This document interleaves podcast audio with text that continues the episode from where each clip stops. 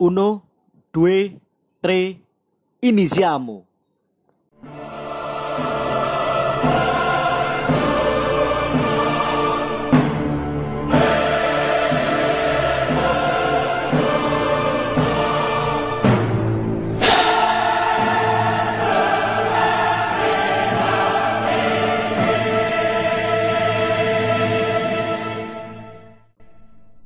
Ya, welcome back to my channel Tribun Netas. Ya, kembali lagi ketemu dengan saya Askara untuk membahas segala hal tentang sepak bola.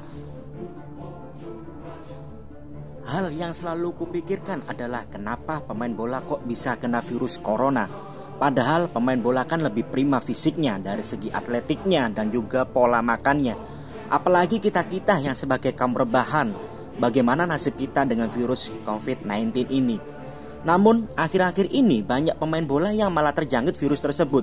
Beberapa pemain seperti Matuidi, Rugani, Kutroni, Hudson, bahkan pelatih bola pun seperti Mikel Arteta juga terjangkit virus tersebut. Meskipun pada akhirnya Mikel Arteta dinyatakan sembuh oleh pihak dokter. Virus ini juga bisa menempel juga di beberapa pemain yang nampaknya sehat namun membawa virus COVID-19. Nah, itu yang paling berbahaya. Orang yang nampak sehat tapi membawa virus corona.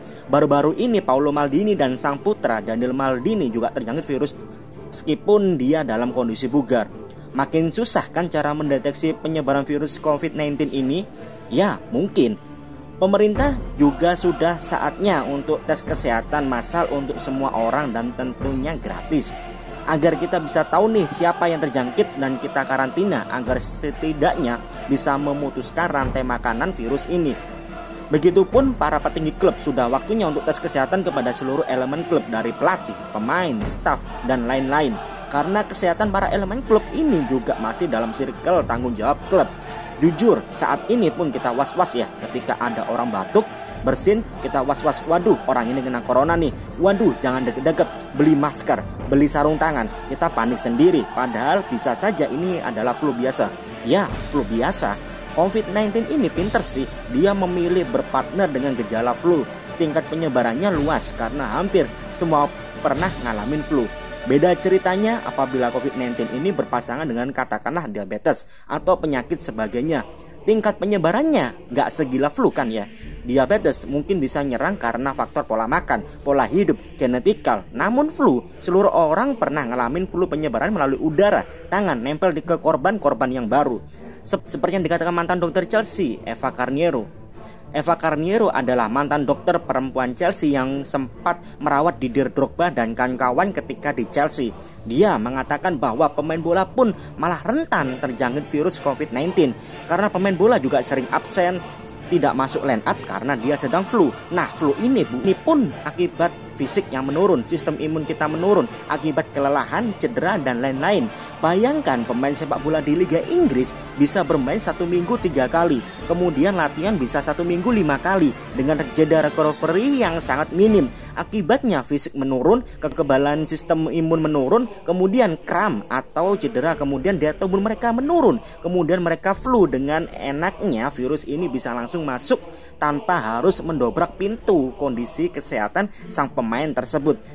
Dan itulah yang jadi salah satu faktor virus tersebut bisa menular ke pemain bola. Begitulah kata Eva Carniero yang kini menjabat sebagai tim dokter olahraga di London. Lantas apa yang kita lakukan sebagai kemerbahan? Ya intinya jangan terlalu panik apalagi parno berlebihan. Tetaplah ikut saja petunjuk-petunjuk dari pemerintah dan tetaplah jaga kebersihan, makan, minumlah beberapa jamu atau vitamin untuk menambah daya tahan tubuh kita. Setidaknya berusaha untuk tidak flu terlebih dahulu jika ingin olahraga, bikinlah jadwal yang rapi. Jangan kalian forsir yang akan berujung pada menurunnya sistem imun kalian. Niatnya berolahraga agar untuk memerangi corona. Eh malah lemes, letih dan merana. Jangan sosokan dulu deh beranggapan kalau kalian kebal terhadap virus corona. Ingat, kalian punya keluarga. Putuskan rantai makanan virus corona ini segera. Oke? Okay? Grandi Tribunatas and Grazie Amisi.